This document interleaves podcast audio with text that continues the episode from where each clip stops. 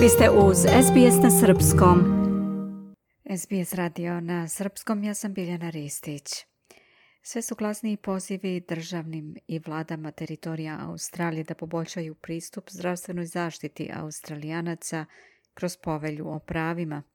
To bi, kako se smatra, moglo biti od pomoći nekim građanima koji trenutno ne dobijaju zdravstvene usluge koje su im potrebne, piše Debra Grok za SBS News. Čini se prilično jednostavno. Kad smo bolesni, idemo kod lekara koji nam pomogne da ozdravimo. Međutim, za neke od naših sugrađana to nije tako jednostavno.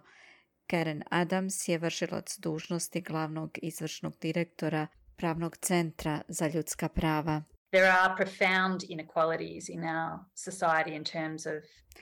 U našem društvu postoje duboke nejednakosti u pogledu zdravstvene zaštite i dostupnosti zdravstvene zaštite, kaže ona.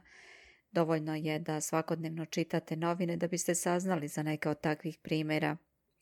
Izvršni direktor Federacije Saveta etničkih zajednica Mohamed Al-Kafaji kaže da su multikulturalne zajednice primjer društvenih grupacija na koje ta nejednakost utiče i kaže da su tokom perioda pandemije COVID-19 ova pitanja izbila u središte pažnje javnosti. Um, uh,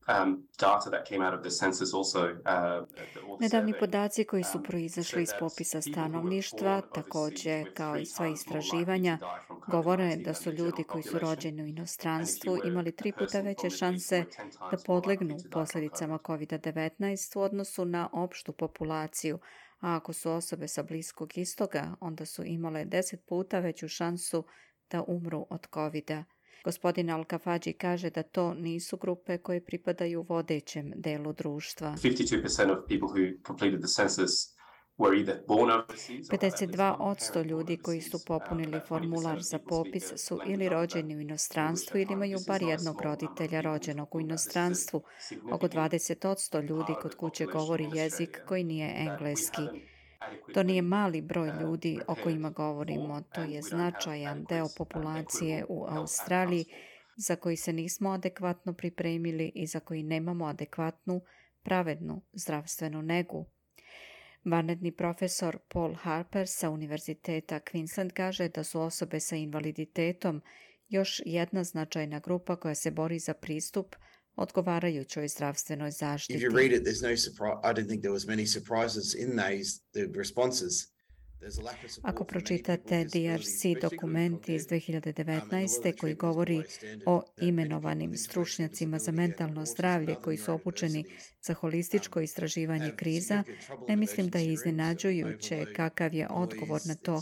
Postoji nedostatak podrške za mnoge osobe sa invaliditetom, posebno za ljude sa kognitivnim problemima, a mnogi tretmani su ispod svakog standarda. Mnogi ljudi sa intelektualnim invaliditetom i autizmom ili drugim neurodiverzitetima imaju značajne probleme kada je u pitanju hitna pomoć, gde vlada preopterećenje, buka, haos, a to dovodi do situacije da su ljudi nepotrebno izloženi fizičkoj suspenziji i nepotrebnoj sedaciji. Karen Adams je identifikovala brigu o starim osobama i starosediocima Australije kao još jednu slabu tačku sistema.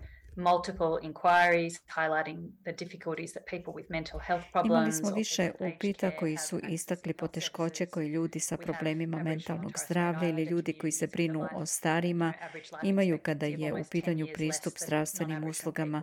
Imamo zajednice aboriđina i stanovnika ostrava iz Torresovog Moreuza sa prosječnim životnim vekom od skoro 10 godina kraćim od osoba koje nisu aboriđinskog porekla, a to je delom zbog značajnih razlika u pristupu zdravstvenim uslugama.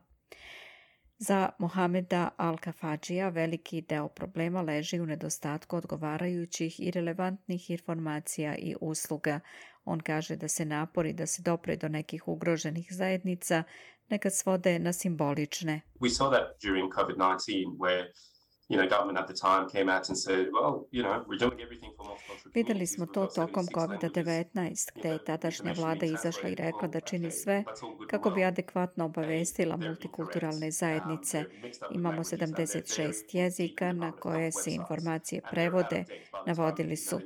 To je sve u redu, ali pod A Informacije nisu bile korektne, pomešani su jezici, također bilo je teško doći do njih ukoliko se uporno ne istražuju web stranice Ministarstva zdravlja, nisu bile na očigled korisnika. Uz to se često dešavalo da ne budu ažurirane i usklađene sa novim savjetima koji su izlazili. Ne možete da doprete do tih zajednica po modelu od vrha prema bazi. Paul Harper kaže da bi neke od ovih zabrinjavajućih problema mogli rešiti ako bi postojala bolja zastupljenost ugroženih grupa društva. Značajan procenat ljudi koji se oslanjaju na zdravstveni sistem su osobe sa invaliditetom, ali oni nisu prisutni među onima koji vode zdravstveni sistem, što mislim da je zaista značajan problem. Gospodin Harper zajedno sa grupom akademika je u savetu koji sada predvodi inicijativu da se takva situacija promeni. Oni žele povelju koja će učvrstiti pravo Australijanaca na pristup zdravstvenoj zaštiti kada im je potrebna, bez obzira na njihove prihode ili na poštanski broj na kojem žive. Australija je potpisala međunarodni sporazum koji priznaje pravo ljudi na zdravlje i lečenje, ali to nije ugrađeno u naše zakone. Karen Adams kaže da doduše postoje povelje na državnom nivou u Viktoriji, Queenslandu, prestoničkoj teritoriji, a Queenslandska je jedina u kojoj je sadržano pravo na zdravlje, ali sa uskim fokusom. So, Australian governments at both a federal and a state level Australijske vlade i na federalnom i na državnom nivou trenutno se ne smatraju odgovornima za tu vrstu standarda kojeg je Australija obećala da će se pridržavati na svetskoj sceni. Gospođa Adams kaže da bi ugrađivanje prava na zdravlje u australijski zakon poboljšalo dizajn samog sistema kao i odgovornost koja je sa tim povezana. Um, zato što primoravate mlade da daju prioritet osnovnim pravima ljudi kada razmišljaju o dizajniranju sistema koji bi trebalo da se odnose na poboljšanje kvaliteta života ljudi gde kad stvari krenu naopako i kad sistemi ne ispunjavaju očekivane standarde, ljudi mogu da se žale i da traže da se to ispravi. Zagovornici se nadaju da će povelja o pravima dati ljudima mogućnost načina zdravstvene zaštite koji su istorijski bili isključeni, kaže Harper. People with disabilities were Ljudi sa invaliditetom su bili, i to tokom većeg dela savremene ljudske istorije, kontrolisani od strane medicinskih stručnjaka, stručnjaka za invaliditet i u suštini nisu imali pravo glasa o sobstvenim zdravstvenim ishodima. CRPR je sastavljen sa shvatanjem da ljudi sa invaliditetom žele pravo na zdravlje, ali također žele da kontrolišu kako im se lečenje pruža. Ali iz Federacije Saveta etničkih zajednica smatraju da bi povelja mogla funkcionisati, vladi treba da daju osnovnim zdravstvenim organizacijama resurse da obave posao. Today it's COVID, tomorrow it's some other outbreak and the day after that it's some kind of Danas je COVID, sutra neka druga epidemija, posle toga neka vrsta klimatskih katastrofa, kada će biti potrebno da se dopre do zajednica. Očigledno je da neki članovi zajednice imaju i strah od vlade, tako da ne možete pretpostaviti da će svaka vladina poruka istići do zajednica.